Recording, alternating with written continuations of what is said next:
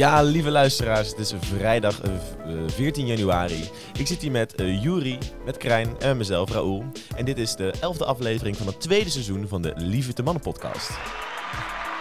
Zoals je hoort, we hebben een, nieuw, nieuw materiaal aangeschaft. Ehm, We gaan ervoor. we gaan ervoor, ja, de investering is helemaal daar. eh, en dus eh, een aantal nieuwe geluidseffecten. Eh, en ik krijg gaat daar heel veel gebruik van maken. Ehm, vandaag gaan we het hebben over het idee van anti-work. Ehm, of in ieder geval een, een, een, een, aantal bewegingen die nu eh, op is gekomen eh, sinds corona.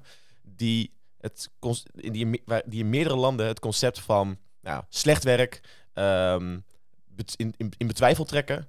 En als reactie erop eh, ja, een soort algemene cultuur van stop met werken of minder werken of be- beter werk gaan zoeken.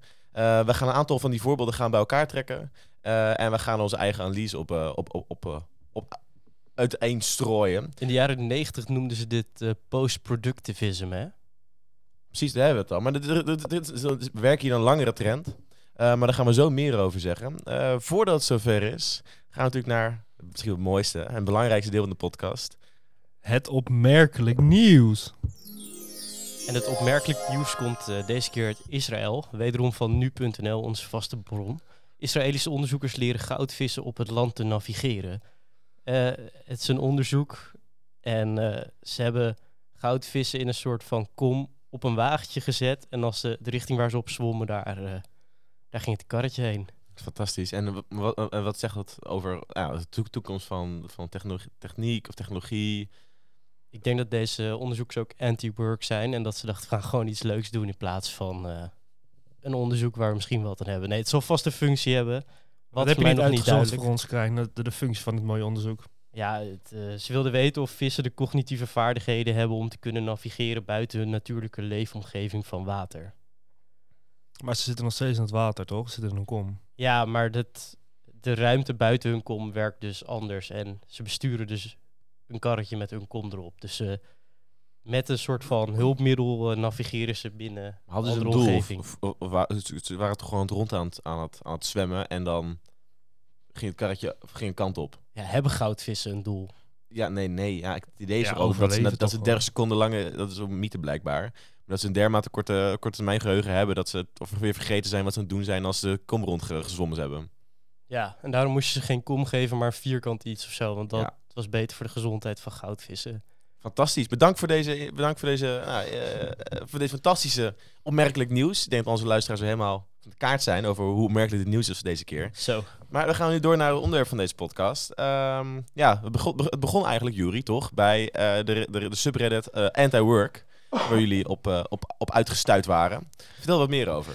Eh, nou, deze, deze subreddit is eigenlijk een van de grootste subreddits van het huidige moment. Of heeft heel veel groei meegemaakt. We hebben eerder dit jaar natuurlijk al over de Wall Street Bet subreddit gehad. Die natuurlijk ook heel veel groei had Het is een meegemaakt. jaar oud ongeveer nu. Dat is een jaar oud. En nu is het tijd voor een nieuwe subreddit om uit te lichten. En deze subreddit gaat over anti-work. En het idee is eigenlijk, het zijn een subreddit is gewoon een groep mensen natuurlijk. Maar ze stimuleren elkaar om eh, ontslag te nemen van hun slechte baan, van hun slechte managers. Die hun eh, slecht behandeld en slechte arbeidsvoorwaarden heb- hebben, heeft. En eh, juist op zoek te gaan naar een betere baan. Een baan die eh, beter omgaat met de mens en die ook gewoon leuker is om uit te voeren. En dit is eigenlijk onderdeel van een hele beweging die er nu aan de gang is. Eigenlijk van mensen die zijn het zat om in een slechte baan en slechte arbeidsomstandigheden te leven. En hier zie je echt een hele groep mensen die zeg maar, elkaar gewoon positief stimuleren om juist op zoek te gaan naar een betere baan. Om en juist hun leven te verbeteren. En echt uit slechte arbeidsomstandigheden te gaan. En Maar de zeggen? subreddit is niet heel nieuw. Hè? Hij is al sinds eh, 2013 en hij is opgericht door eh, Doreen Clare. En dat is een eh, Amerikaanse anarchistische vrouw en ook feminist natuurlijk. Eh, Ja. En die werkte slechte retailbaantjes en die is daar toe geswitcht. Maar afgelopen jaar, afgelopen twee jaar is de groep heel hard gegroeid qua aantal leden. Dus vooral afgelopen in 2021 is de groep met 279% gegroeid. Dus het voelt een beetje Wall Street Bets-achtig als je het zo, Ja, eh, is eigenlijk zo hoort. een hele andere kant van de Reddit en een hele, hele cultuur daar. En wat voor manier is het per se anti-work? hè? Wat voor beeld schetst het dan voor? Eh, is het idee, nee, ik ben gaan op zoek naar een betere baan. Ook eh, een lager, betaal, lager betaalde baan. Of dat je andere bronnen baan, van juist. inzoeken juist. Maar dat is dan bijna niet anti-work. Dat is gewoon carrière. Eh, eh, R R slash carrière maken. Ik bedoel, dat is toch een beetje... Ja, Nee, het is je- niet R slash carrière maken. Het is meer... Bijvoorbeeld, als je, als je een eh, bediende bent in New York... is jouw basisloon is 2,50 euro per uur. De rest moet je verdienen met, eh, met tips. Met tips, ja, eigenlijk. Fooien. Fooien, dat is het Nederlandse woord natuurlijk. Maar eigenlijk willen mensen gewoon naar een, een stabielere baan. Dus een hogere basis, eh, basisloon. En minder afhankelijk zijn van die, van die fooien de hele tijd. En dat is eigenlijk het hele, dat is eigenlijk het hele ding. Ze willen gewoon meer zekerheid en een betere eh, type baan. Het is niet per se dat ze een betere carrière willen. Dat ze nu echt managementfuncties aan, aan het ambiëren zijn. En dat ze juist door willen groeien naar de top van Amerikaanse, Het is het Amerikaanse het- het- het- zakenleven. Het ik- is meer, ik, ze willen ik vind een- de naam wel dan wel een beetje vreemd. Want het is niet anti-work. Het is gewoon meer stabiliteit. Een Ja. stabielere en betere baan. ja, meer stabielere En Baanzekerheid. eigenlijk, en- dus eigenlijk wat ze achterkomen is dat er een arbeidsmarkt is en je mag kiezen wat voor baan je doet. Je, je kan, er, is, er is nu concurrentie, er is een hoop vraag. Is het, is het, een soort, is het eigenlijk een soort hè, dat mensen zich re- eh, realiseren dat er nu plotseling heel veel vraag is aan, arbei- aan arbeid? Dat je dus wel kan veranderen van baan? Dat je wat, Ja, ja wat, wat, dus, dus, dus waar eigenlijk Het is er nu- momentum misschien. Er hè? is heel veel momentum dus. Eigenlijk wat je heel erg ziet in Amerika is... eh, er zijn hele grote arbeidstekorten. Dus nu komen werknemers echt erachter dat ze eigenlijk best wel veel macht hebben in hun onderhandelingspositie met een baas. Dus eh, ze komen nu achter van, hey, wij zijn eigenlijk best wel belangrijk in deze, op dit bedrijf, in deze, deze economie. En nu zien ze wel echt hun waarde van zichzelf in en nu durven ze meer te eisen. Bijvoorbeeld in, in de eerdere fase, vroeger zouden ze meer geneigd zijn dingen te accepteren als een baas dingen zou vragen voor wil je overwerken of wil je in het weekend extra uren draaien. En nu zijn ze meer geneigd om echt op te komen voor hun eigen rechten. Van ik heb al 40 uur gewerkt deze week. En 40 uur is, het maximum dat, dat, ik, dat, dat een mens kan werken in een week. En daar blijft het ook bij. Het is meer een, een, een, hele, een hele beweging voor het herwaarderen van de, van, de, van, van de rechten van de werknemer. Het heeft wel een beetje een ideologisch sausje. Krijg ik het idee. Ik, krijg ook wel, ja, Is misschien het- is dat ook wel mijn interpretatie van hoe ik het. Ik interpreteer ik dan ook een soort heb, van eh, een, een soort, een soort nou ja, dezelfde soort retoriek die dan men ook in de jaren twintig gewoon met vakbonden had. Zeg maar van, hé hey jongens, jullie zijn niet waardeloos. Jullie kunnen ook gewoon betere arbeidseisen eh, Ja. eisen. Je kan ook gewoon voor opstaan. Je kan ook een baan veranderen. Eh, stop met werken in een, in een anti-work als in ieder geval. Je kan af en toe weglopen of staken eventueel. Is het, dit, is dit een beetje, zeg maar, hè, eh, Ja. Gen Z, Amerikaanse, eh, millennium-achtige, gewoon, Ja, het is gewoon jaren 30 linksheid, zeg maar. Eigenlijk wel, want je ziet de arbeids... De, de vakbonden zijn gewoon kapot. Die bestaan eigenlijk bijna niet meer in Amerika. En dit is eigenlijk een soort van nieuwe vakbond. Nou ja, nou ja, ja. die, ja, het, is een nieuw, het, is het, hele, het idee is hetzelfde van de herwaardering van, van wat een arbeider kan doen. Ja, Van het hoe is- die het is zichzelf- gewoon het arbeidersbewustzijn eigenlijk. Ja, bewustzijn. Ja. Dat is, ja. En dat is eigenlijk wat je nu heel erg ziet. En, en dat zorgt ook voor... Bijvoorbeeld heel veel van die mensen die in die subreddit zitten... krijgen nu echt... zijn van baan eh, ges- geswitcht. En zie je ook gelijk... die zijn, hebben betere arbeidsomstandigheden... en krijgen ook meer betaald. En dat is wel echt een positieve prijs... een positieve loonprikkel die je ziet aan de gang. Dat is ook een ding, hè, dat ze, ze deelden allemaal eh, ontslagbrieven en ontslagberichten in die groep. En dat was te veel geworden, dus nu mag dat alleen nog maar op zondag in de groep. Omdat anders de hele groep overheerst wordt door ontslagberichten. Maar er was een, eh, er was een panel uit die groep gevraagd naar wat ze allemaal deden en of ze nog werkten. En daaruit bleek dat 50% gewoon nog werkte en zijn baan ook behouden had. Dus het is ook niet alsof je gegarandeerd eh, weggaat als je in de groep nee, zit. maar Maar ik denk dat ook... Het, kijk, je, je kan wel ontevreden zijn over je baan in de huidige tijd. En dan oh, je is nog die groep joinen, maar dan heb je nog, moet je moet je alsnog alle moed bij elkaar verzamelen om echt ontslag te nemen ook. Ja. En misschien zijn ook een hoop mensen die zitten er nu nog in. Je ziet in de laatste paar maanden is natuurlijk heel veel nieuwe leden bij, heel veel nieuwe mensen in die groep bijgekomen. En misschien staan die nu wel op het punt om juist wel ontslag te nemen, omdat ze nu eh, zien dat het ontslag nemen eigenlijk helemaal niet zo heel veel negatieve consequenties voor je heeft. Het is natuurlijk eigenlijk, want in, natuurlijk in de economische wetenschappen nemen we het voor lief dat er een arbeidsmarkt is, waarin mensen rationele keuzes maken over hoe ze hun inkomen eh, bij elkaar verzamelen. En dat ze ook gaan als arbeidsmarkt en dat, er, en dat ze ook eh, con- concurreren eh, en, en kiezen tussen meerdere werkgevers.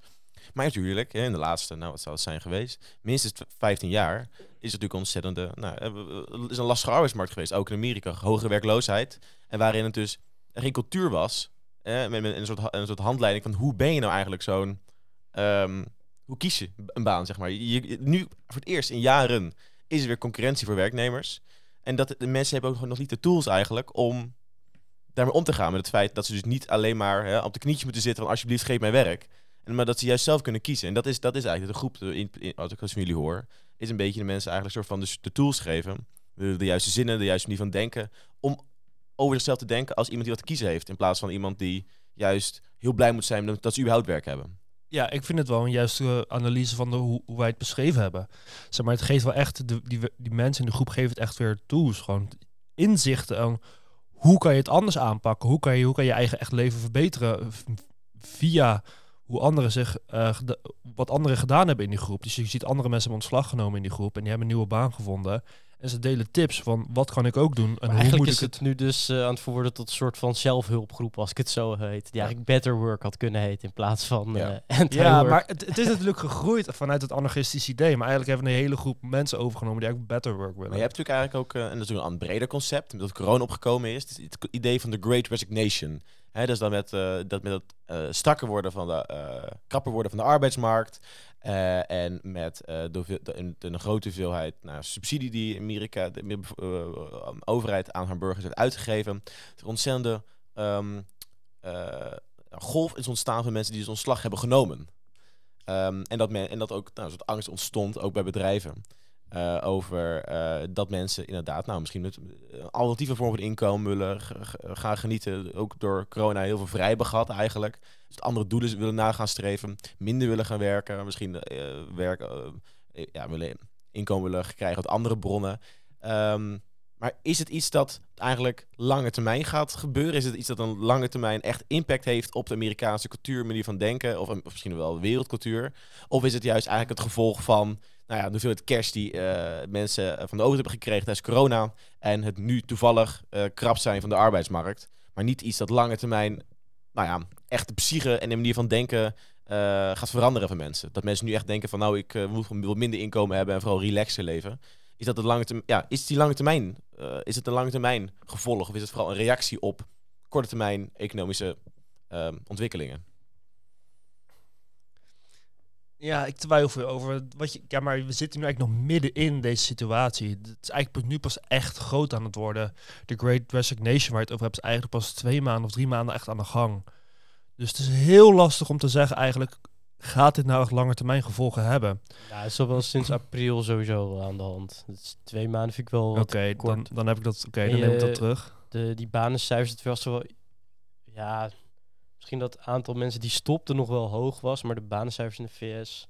Veel mensen vonden ook wel een nieuwe baan, maar zeker in het begin, toen er nog heel veel geld van Biden eh, bij die mensen terecht kwam, toen voelden heel veel mensen niet de neiging om meteen een ander werk te gaan zoeken. Ja, gewoon stoppen inderdaad. Ja, gewoon even niks doen.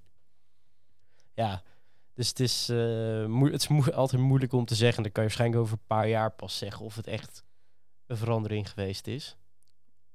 Dat is zeker zo. Het is nu nog eigenlijk te recent om echt te gaan zien of het nou invloed gaat hebben. En, maar er is geen verdere bijvoorbeeld, eh, het volgende onderwerp, zeg maar, bijvoorbeeld een andere context waar dat dus wel echt het geval is. Dat echt culturele ja, veranderingen gaande zijn over hoe mensen denken over werk, over de druk die hangt rond, rond werk. Eh, het idee, nou ja, dit zal ik maar direct zeggen, in, in, in China heb je namelijk een soort gelijke ontwikkeling, een soort trend. Ook anarchistisch ingebedoeld, weet je, antisysteem, ook heel erg opkomend en versterkt ook door corona. En dat is de lying flat beweging. Tang Ping heet het daar. Ehm, maar dat is, een, dat, dat is eigenlijk een, heel, dat is een reactie tegen de ontzettend hoge ja, werk- en carrière druk die er heerst in China.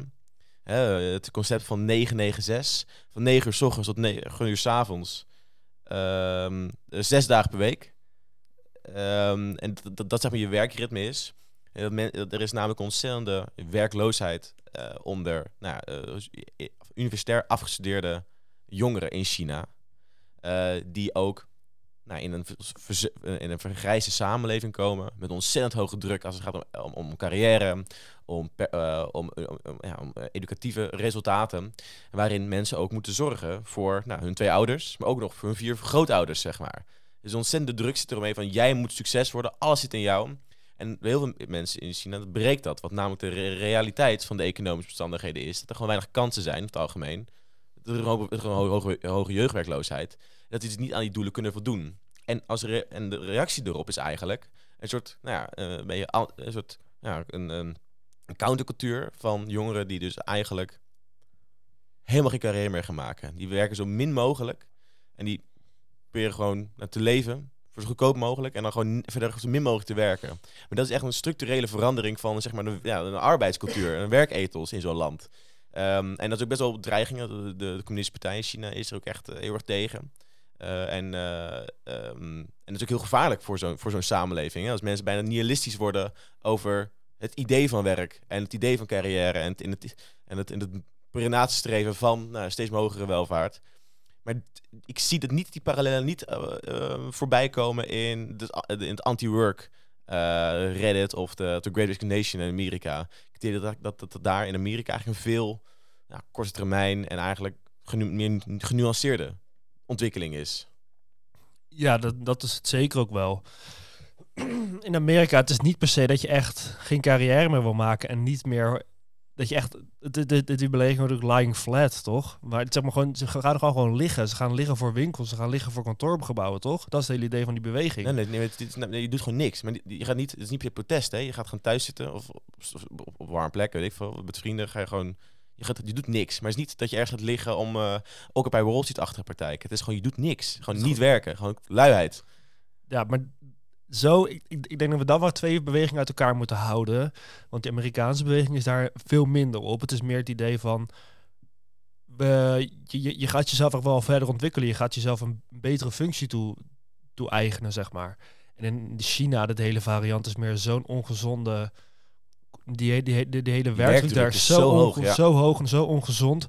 En het is ook zo'n rare concurrentiestrijd. Je kan er helemaal niet concurreren op basis van je prestaties of basis van eh, hoe goed je ergens in bent. Het gaat allemaal om je connecties daar in China. En alles draait erom hoe ben jij lid in de politieke partij en hoe sta jij in de, in de Chinese partij en hoe, met wie ga je om en met wat voor ehm, mensen hou jij je bezig. En eigenlijk hangt daar alles van af in China. En dat geeft eigenlijk zo. Stel je komt er niet vandaan en dan is het zo on- ongelooflijk lastig om je daarin te vechten, zeg maar. Dat je eigenlijk in een hele ongezonde sfeer komt. En dat zorgt denk ik eigenlijk voor een protestbeweging. En het is niet, ik denk dat het wel een andere beweging is dan in Amerika. In Amerika heb je nog wel iets meer dat je jezelf kan opwerken zonder dat je lid moet zijn van de enige politieke partij in het land. Ja, en, maar ook in die Amerikaanse groep, je zag dat er ook qua ideologie in diezelfde studie waar ik net over had, dat 50% gewoon werkte. Daar, eh, daar bleek uit dat ze zich ook als meer, op meerdere manieren beschreven, van communistisch tot eh, links en dan links van socialistisch tot sociaal-democratisch en zelfs nog niet links. Dus het is meer een heterogene groep die misschien wel overwegend links is, maar vooral met mensen die ander werk willen. Ja, maar het is natuurlijk een beetje, de- ik denk dat het vooral ook is in bij situaties dat het dat de nou, omstandigheden van corona, van COVID, eh, de mogelijkheid gegeven voor veel mensen om hun nou ja, werk, werk-leven balans eh, opnieuw te overdenken. En dat die in China is die dermate extreem, zeg maar, eh, eh, gericht op werk. eh, dat de tegenreactie ook groter is dan die in Amerika. Want Amerika is natuurlijk ook een, een, een, een, een schuine werk, een werk-vrije tijd balans. Maar die is niet zo ontzettend bizar scheef, zeg maar. Maar ook daar in Amerika heeft, heeft die corona ook gezorgd dat mensen toch denken van... nou, ik wil iets meer vrije tijd, ik wil een betere baan. het werk als doel beschouwen, zeg maar. Ja. Trouwens, ik wil nog even terug naar dat, Ja, dat eh, middel dat vakbondsidee. Want ze hadden, die mensen van Anti-Work hadden wel iets grappigs gedaan.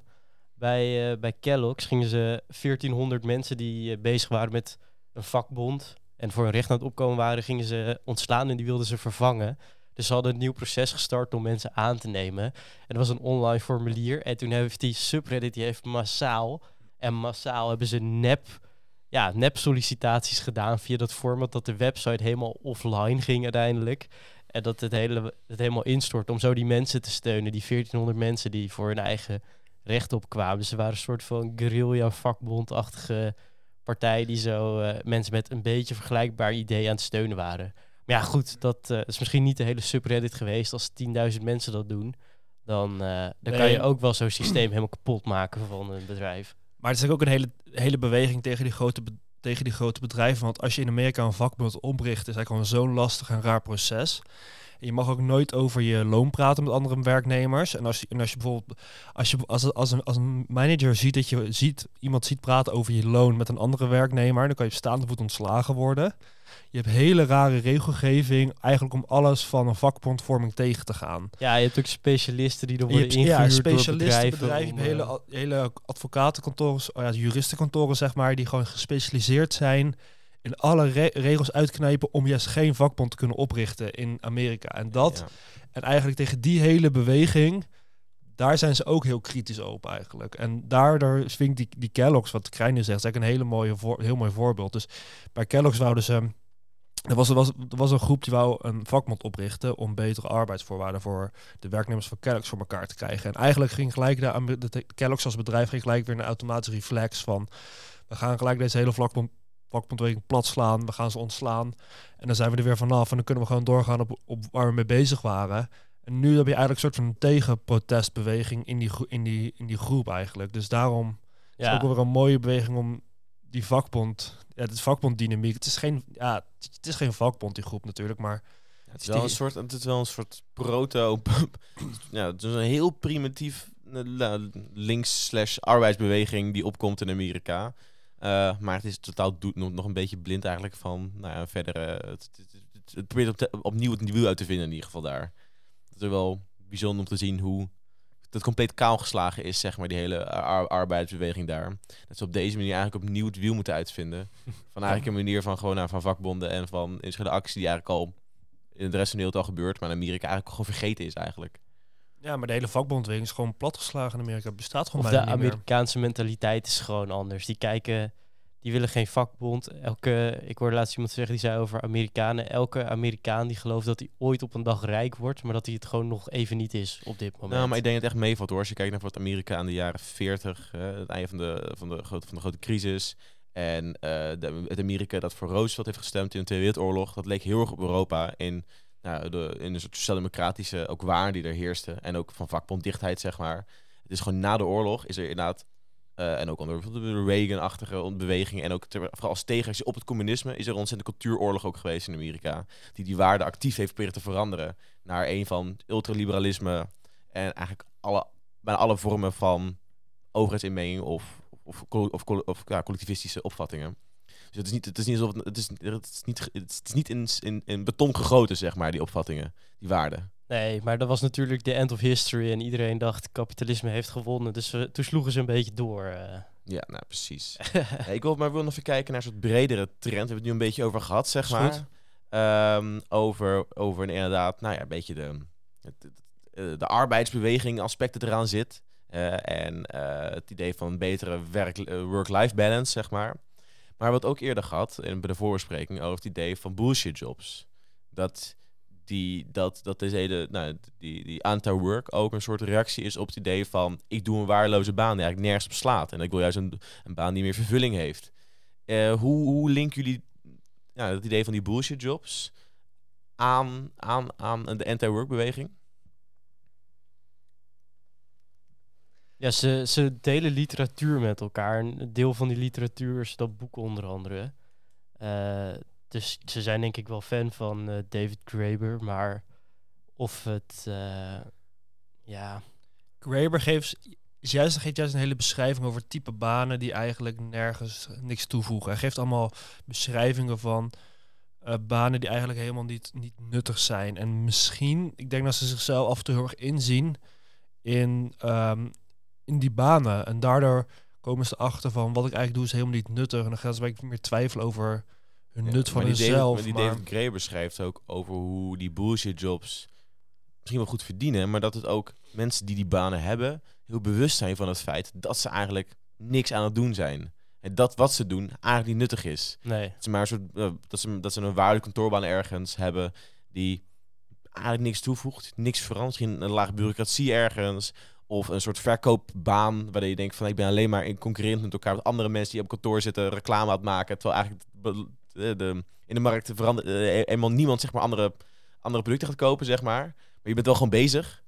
En je bent ontzettend veel geld aan het smijten. En ik veel andere delen van de economie die misschien wel productief zijn, eh ben je geld vanaf afromen. Eigenlijk voor helemaal nul resultaat, zeg maar. Dat is, dat is ook een beetje het idee. wat je doet eigenlijk niet nuttig is, misschien wel slecht voor de, voor, de wereld. En dat je daar dan die denkt van, nou, misschien wil ik juist wat anders doen, zeg maar. Iets dat wel eh, werkt dat wel vervullend is. Ik denk dat wel een gedeelte van die groep er zo erin staat, ja. Zo van dat ze heel erg ontevreden zijn over wat ze nou eigenlijk aan het uitvoeren zijn en wat ze nou eigenlijk aan, het bewegen is. En ik denk dat ook wel een groter gedeelte van onze maatschappij. Nou, het is heel lastig empirisch te bewijzen wel. Want er is. eh, David Graeber heeft dat, heeft, heeft dat boek geschreven. Ik denk 2014 rond die tijd. En toen spreekt hij over 20 tot 25 procent van de, van de, van de, werk, eh, van de werkende mensen voedt zich over zijn eigen baan. En het is eigenlijk nog nooit daarna nooit echt empirisch bewezen dat het ook echt zo is. Had hij dat ergens mee gestaafd? Eh, Hij had ergens een, een, een, een Brits onderzoek had hij ergens gevonden online. En daarmee had hij alles op gebaseerd. Maar eigenlijk is dat hele Britse onderzoek was niet goed uitgevoerd. En de methode van het onderzoek klopt eigenlijk helemaal niet. Dus daar heeft hij de, zijn... zijn eh, Science.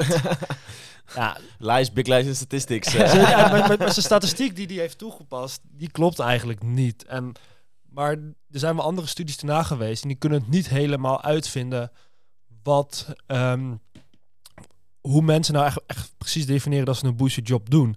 Maar daar heeft hij later voor mij is toch, toch wel een beetje op teruggekomen. Hij zegt, mensen realiseren het ook weer niet helemaal zelf dat ze een bullshit job aan het doen zijn. En hij had meer beoordeeld, beoordeeld dat het een bullshit job is op dat moment.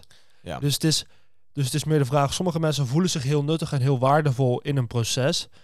Maar als je dat heel abstract en, rationeel gaat kijken, kan het misschien helemaal niet toevoegend en Ja. waardevol zijn. Maar dan kan een mens, als je dan aan, de- aan zo'n persoon vraagt, voeg jij hier iets toe en ben jij, heb, heb jij toegevoegde waarde? Dan kan iemand echt wel ja zeggen op die an- op een vraag, want die kan heel veel waardering voelen en heel veel positieve feedback terugkrijgen over wat de persoon aan het uitvoeren is.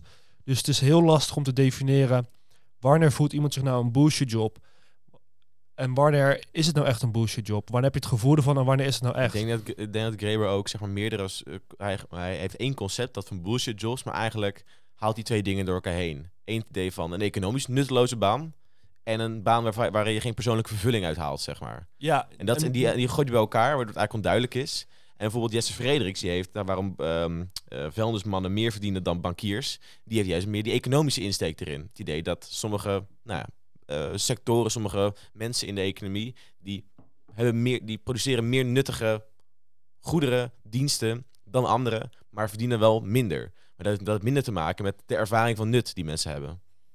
Ja, zeg maar, die kijken echt meer, econo meer gewoon economisch rationeel naar al die type banen. En die gaan echt beoordelen van hoe waardevol zijn deze banen en hoe belangrijk zijn deze banen. Zeg maar, is zo'n baan, hij heeft het voor vuilnismannen, als je het vuilnis niet gaat ophalen, dan gaat de stad stinken en dan heb je gewoon heel veel ellende. Terwijl ze zeggen dan bankiers, denk, als je als, je als bankier staken voor een maand, dan heb je veel minder ellende.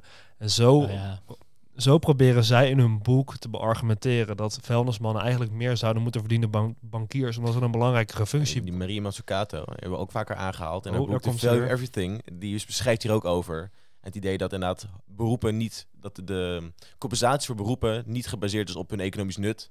Maar gewoon op de hoeveelheid geld die zij uit de economie willen kunnen krijgen, zeg maar. Ik bedoel, eh, een, eh, eh, ja, een bankier die heeft gewoon heel dicht toegang zeg maar, tot hè, de centrale bank en ik- in een, in een bron van, van waarde. Waar, waar, waar, in ieder geval, eh, waar, gewoon, waar, waar currency zeg maar, geproduceerd wordt en, en, die he- geredis- geredistributeerd wordt. Dus kunnen makkelijker een grotere grijp eigenlijk uit de hoeveelheid geld halen. Dus een- dicht op de bron dan eventueel een vuilnisman beneden, zeg maar. En dat is inderdaad de, nou, je verdient voor een baan heeft niet per se te maken met hoeveel economische waarde het is. Sommige eh, sectoren, vooral de financiële sector, die kan veel meer geld binnen eh, eh, ja, grijpen eigenlijk en een hoop afromen uit de economie. Gewoon omdat ze zo dichtbij nou, de waarde, in ieder geval geldcreatie zitten. Ja, dit vind ik wel een leuke analyse van je. Dus eigenlijk omdat je dan in de financiële sector ga je, speel je eigenlijk om met zoveel geld. En als, financi- en als banken kan je natuurlijk extra geld creëren door Ja. middel van uitlenen natuurlijk. En omdat je daardoor eigenlijk zoveel extra geld al aan het creëren bent, kan je jezelf ook meer uitkeren omdat je weet hoeveel je aan het creëren bent. ja En als, misschien, maar de arbeidsmarkt is ook een markt. Ook al is die niet perfect, die markt. ja, En je moet wel kijken, de meeste bankiers hebben toch minimaal eh, gestudeerd. Hebben een WO of een HBO-opleiding. En de meeste vuilnismannen, zeg maar, als je een rijbewijs hebt, kan je beginnen als vuilnisman.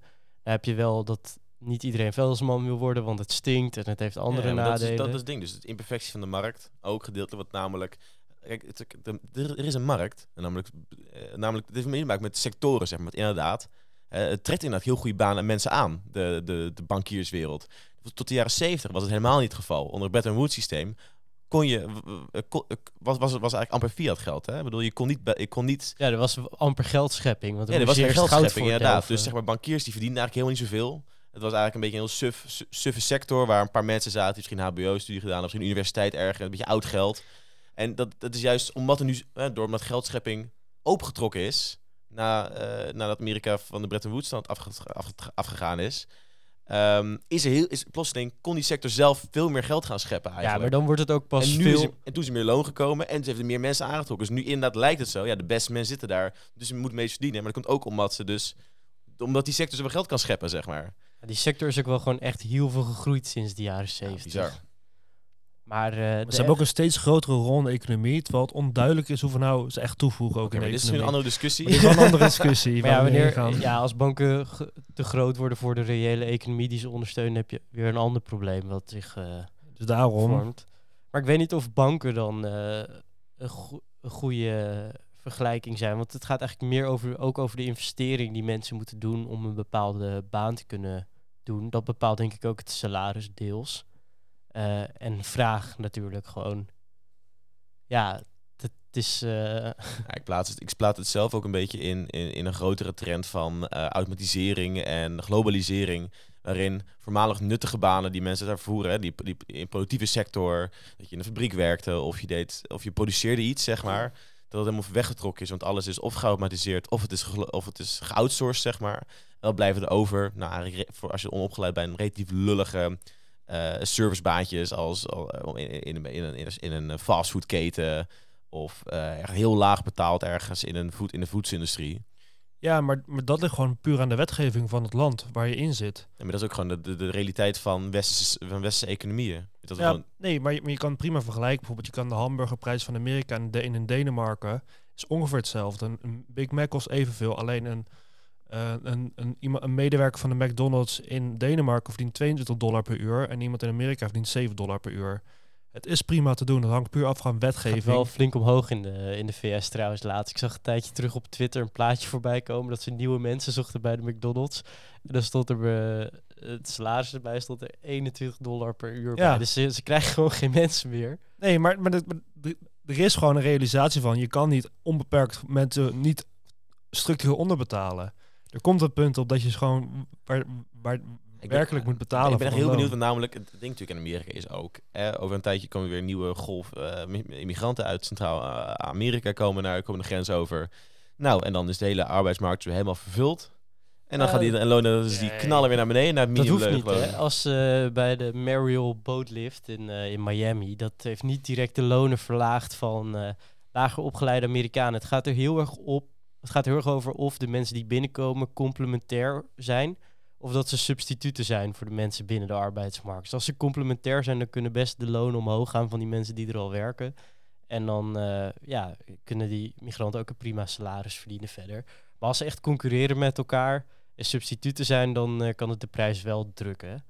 Eh, maar ik weet je, dat is niet eens waar ik het meest naar kijk. Ik ben vooral heel erg, als ik dit zie gebeuren en ik zie dat de inflatie voor december in de VS in 2021 7% eh, jaar op jaar, dus in vergelijking met december 2020 was, dan denk ik wel van ja, die bedrijven die moeten dan meer loon gaan betalen. En dat is ergens wel fair. Die mensen hebben ook recht op, eh, op een beter salaris. Het lijkt gewoon me logisch dat je betere lonen gaat betalen ja, een keer. lijkt me niet meer dan gek. Maar ja, de kosten van zo'n bedrijf gaat omhoog. En als ze die marges gewoon kunnen, door, kunnen Ja, hanteren. Dat en, is natuurlijk het idee van de loon, van de, van de loonprijsspiraal. eh. ja, Het idee dat je dus, maar dat- dat- dat- ik denk dat het niet helemaal geldig is, want de kosten van een bedrijf bestaan niet alleen maar uit loon. Ook niet van de minimumleug van, van, van de minimum, van de minima zeg maar, binnen het bedrijf. nee, maar Dus zeg maar, als je inderdaad je minimumloon eh, werknemers anderhalf keer zoveel moet betalen, betekent niet dat de kosten van je product anderhalf keer zo hoog is. nee, dat klopt. Maar tegelijkertijd gaan ook andere prijzen omhoog, zoals van energie en grondstoffen. En zie je nu weer dat er met nieuwe lockdowns in Chinese steden heel veel productie daar stilvalt, waardoor heel veel materialen niet naar de VS of naar Europa dat is komen. een tijdelijke supply shock eigenlijk. Nou ja, zo tijdelijk is dat dus niet meer als we begin 2022 gewoon aan een nieuwe shock beginnen. Nee, maar Krijn ben je weer het hele inflatiespook aan boven aan het Ja, halen. daar zijn echt, zijn echt niet bang Ja, voor ja, hoor. Daar Die hoeven niet zo bang voor te zijn hoor. Over een heel jaar is 2,7. Als je ook kijkt naar Nederland, dan Ja, maar dat- alleen, alleen bankiers. Er zijn maar twee cao's die de inflatie bijhouden. Dat zijn de bankiers en er is er nog eentje. En de rest van de cao's houdt gewoon de inflatie niet bij over afgelopen jaar. Ja, maar dat is Dus dat betekent gewoon dat een heel groot deel van de mensen in Nederland gaat er op koopkracht op achteruit. Ja, maar dat is ook een grotere trend in Nederland. Ja, maar dat ontzettend zal- strenge, dat, dat, dat namelijk de vakbonden zo zwak zijn dat de CEO's ook al jarenlang ontzettend loonmars, eh, ehm, dat- ja, dat heel weinig loonontwikkeling hebben. Omdat namelijk het argument is altijd zeggen van, oh ja, nou ja, ehm, er is nu geen geld. En dan is er wel geld. Ja, maar als we nu de loon omhoog doen, dan komt er inflatie. Dus eh, oftewel, nooit, lonen gaan nooit omhoog. Maar, maar- ja, maar er is al jaren een gat. Dus, Ja. dus, dus het is niet iets nieuws dat nu in één keer de lonen niet meestijgen met de Nee, maar het is- inflatiecijfers. Nou ja, oké, nee, maar het is nu wel ietsje ernstiger dan in andere jaren. Ook doordat de inflatie weer hoger is dan een hele lange tijd terug. Eh, maar dat Ja, maar is, toch een Nee, eenmalig ik zeg ding? niet dat het misgaat, maar het is, het is, nou ja, of het eenmalig is. Het is sinds 2020 is het de- al een doorlopend probleem. Ja, maar, je- maar inflatiecijfers kijken van... Je kijkt van december 2020 de- naar december 2021. ja, ja, maar je- dat is en- 7% in de VS en jaar op jaar in Nederland is het eigenlijk... alles, alles hangt af van de energieprijs. Bijna alles wel. Ja, nou, als je in de VS, als je het corrigeerde naar... eh, ze hadden een ander cij- inflatiecijfer en dat, ging, dat was ongeveer 5 en daar ging ongeveer 2% ging er af als je voedsel en energie weghaalde. Dus het is niet alsof er geen inflatie is in de rest van de economie. Ja, Oké, het werkt een beetje door, maar... Nou ja, Je- als het nog langer zo aanhoudt. Ik vind inflatiespook, vind ik inderdaad nu al, dus nou, het is net een half jaar begint de inflatie een beetje omhoog te kruipen en direct mensen paniek. Jaren 70 praktijk worden erbij gehaald. Ik denk dat, dat, die vergelijking totaal niet valide is. nou ja, als zijn je, de laatste 40 jaar veel te veel gefocust geweest op inflatie. Inflatie blijven handen al onderdrukken ten koste van heel veel andere delen in de, van de economie. Ik denk dat het compleet ah, overgehyped is. En dat zijn de inderdaad afgelopen- in de jaren Sorry, 70 was inflatie echt nuttig. Maar de afgelopen jaren zijn we helemaal niet bezig geweest met inflatie onderdrukken. De laatste Nee, 40 jaar nee, is het enige wat nee. het doel geweest is dat centrale banken was inflatie laag houden. Dat is het enige doel. Het enige, 40 jaar lang. ja, op papier is dat. Maar de afgelopen 20 jaar zijn ze alleen maar bezig met inflatie op te roepen. Dat hebben we gewoon Nou, sinds de Op crisis. 2% houden. Nee, nee, want de inflatie was er gewoon niet. Er zijn trends in demografie onder andere, vooral voornamelijk die, die ervoor zorgen dat er eigenlijk van nature heel weinig inflatie is. En centrale banken zijn er, nodig, zijn ermee bezig om die de afgelopen jaren op te Ja. trekken. Maar dat is niet gelukt. Nou, perfect. Maar wat je dus zegt inderdaad, er is een inherente trend, omdat, door, nou, door, omdat we allemaal door vergrijzing, dat de inflatie inderdaad natuurlijk lager is. Ja, omdat de rendement op eh, de, de rendement is in, op, op investering is laag. Heel, veel- heel veel kapitaal is er. En er is weinig plek om te investeren. In ieder geval, de, de, de, de inflatie ligt natuurlijk laag. Dus dat lijkt mij ook dat zeg maar, er is nu een schok, die, dat zorgt voor meer inflatie. Er is, maar er is, er is dus geen lange termijn trend die ervoor die, die indiceert dat de inflatie uit elkaar omhoog gaat. Er is juist een neerwaartse druk op inflatie. Al 20 jaar dus in, in, inderdaad. 20 zelfs jaar, maar je kan ook doorschieten in je maatregelen. Ik zeg niet dat het gebeurd is, hè, maar als zelfs Klaas Knot van de Centrale Bank begint te roepen dat, eh, dat doet hij nu al meer dan een jaar, dat beleggers risico, eh, de- eh, rekening moeten houden met een scenario waarin de inflatie hoger is voor een langere tijd, dan denk ik, nou, de kapitaalmarkten zijn totaal overgewaardeerd. Dus die mogen wel wat leiden. Er kan wel, kan wel 20% vanaf. Helaas. Maar ja, dat, nee, dat is niet per is een se... bubbel. Raoul, als er nou daadwerkelijk inflatie komt, hè, dan zijn de mensen die het beste af zijn, dat zijn vaak bedrijven met pricing power, die gewoon de prijs verhogen van hun producten. Zodat ze de marges Ja, in maar stand met lage inflatie is ook, zijn ook genoeg problemen. Het is, niet, het is, het is, al, Nee, het de is enige- duivelse afweging altijd. De enige persoon die verliest, dat zijn middelgrote spaarders die hun geld op een spaarrekening hebben en niet investeren verder. Dat zijn de grootste verliezers. Maar die, kijk, maar, die, maar die hebben ook in de 2% inflatie ook gewoon verloren. Want die kregen gewoon weinig rendement op, een, op, op, op, op investering, op spaargeld. Ja, Terwijl inderdaad, maar het ding is, die, kijk, die verliezen altijd. Ook met hoge inflatie, ook met lage inflatie. Die verliezen eigenlijk altijd. Want die kunnen nooit die kapitaal efficiënt genoeg inzetten om hoog rendement te krijgen. Dus altijd. Dat daar, is niet ben ik het niet nu. mee, daar ben ik het niet mee eens. Dus ja, maar we, gaan nu, we zijn wel echt lekker afgeschoten van onze initiële onder. eh, Zeker wel. Het is een hele leuke inflatiediscussie hebben we hier maar jongens, gehad. gaan wij ook, eh, gaan wij ook, eh, eh, gaan jullie ook, eh, zijn jullie ook gestopt met jullie werk? Als afsluiting? Ja, Ja? werkt niet. Geen werk gehad? Jury is nergens mee gestopt, is nooit mee gestopt. Krijn, eh, ga jij nog stoppen met werk? Nee. Nou, maar ik ben, mijn, jij stoppen met werken, mijn het café waar ik werk is dicht. Dus eh, Jij hoeft ook niet te werken. in, ik, ik, lei, ik lei best wel flat eigenlijk deze tijd. Dus maar we komen er wel. Goed om te horen. Ja, ja, ja. Nou jongens, Oh, eh, oh, applaus oh. erbij. nee, maar sterke, sterke grap hoor. Eh, Ik denk dat we kunnen afronden van Ja. deze aflevering. Ik, eh, heb, hebben jullie nog een laatste woord voor de luisteraar? Of, of, een, of een afsluitende zin van wat jullie ge- geleerd hebben van deze discussie? Nou, het is nooit verkeerd om voor jezelf op te komen en te kijken hoe je, hoe je een betere baan kan eh, bemachtigen. Ik vind ook niet per se dat je moet werken, maar dan moet je een inkomensstroom hebben verder. Oké. Ik zou wer dom werken, daar ben ik geen fan van. Ik ben meer fan van slim werken. En het lijkt erop dat deze mensen dingen gaan doen die ze, die ze beter kunnen waarderen Ja. of waar ze beter worden gewaardeerd. En dat lijkt me alleen maar goed. En we moeten er niet te veel naar kijken als echt een soort van eh Engelings cultuurfenomeen. Want dat zit er wel doorheen, maar het is zo marginaal, denk ik. Ik denk dat het trots een goede ontwikkeling is, ook in China. Uiteindelijk, middel is een, werken is een, is een middel voor een doel. Eh, en als het middel het doel Vervangt? niet, niet, niet, niet waard is, zeg maar, dan moet je het ook niet gaan doen. Nee, En als werken dus het middel niet waard is, ja, dan moet je maar minder gaan werken. ander werk doen. Maar, Of niet, ander werk gaan doen. maar ja. niet, niet actief je toekomstig geluk ondermijnen, terwijl je weet dat je eigenlijk nu iets doms doet, zeg maar. Je moet niet, niet helemaal niet gaan werken. En je denkt van, nou, dan ga ik later ook geen pensioen, niks. Maar je moet wel een beetje normaal, eh, nuchter over nadenken. Ja, ik vind het wel een goede beweging, een interessante beweging om te volgen.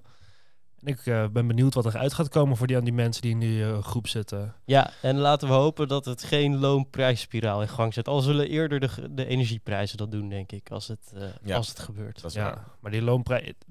Er zit een zo gigantisch groot gat tussen economische groei en de groei van lonen. Ja, Want een klein beetje meer lonen, dat gaat echt niemand... kan wel een beetje van en, maar, loonprij- eh, en de, globale loonprijsspiraal die in de jaren 70 geval was, Die gaat nooit echt meer totaal komen. anders. Er waren enorm sterke vakbonden die gewoon pootstijf hielden elk jaar en dan gewoon, er gewoon steenvast 2% meer dan de inflatie eisten. Ja, dat is leuk. Ja. Maar ik vind, ik, als je, ik Dus denk de dat in context de Die Nee, gaat niet komen. We zitten in een geglobaliseerde wereld, dus dat heeft... laatste remark. Het is wel, het is wel een ding dat in de... Dit zijn de hoogste inflatiecijfers in 39 jaar. Eh, het zegt nog niks, maar ik ben benieuwd waar het heen gaat. Ja, eh, en het klopt inderdaad, want de laatste 40 jaar zijn helemaal gekenmerkt met het idee van zo laag mogelijk inflatie. Ja. En daar moest alles voor wijken. En dus goed dat de inflatie nu maar wijkt voor andere belangrijkere dingen in de samenleving, namelijk loongroei. Ik sluit me helemaal aan bij Raoul. Ik vond weer een mooie speech van hem. En dan wil ik graag de luisteraar bedanken Ja, voor luisteraar. het luisteren naar deze aflevering. Abonneer je op deze podcast in je favoriete podcast app. En dan zeg ik tot de luisteraar, tot de volgende keer. Tot de volgende keer.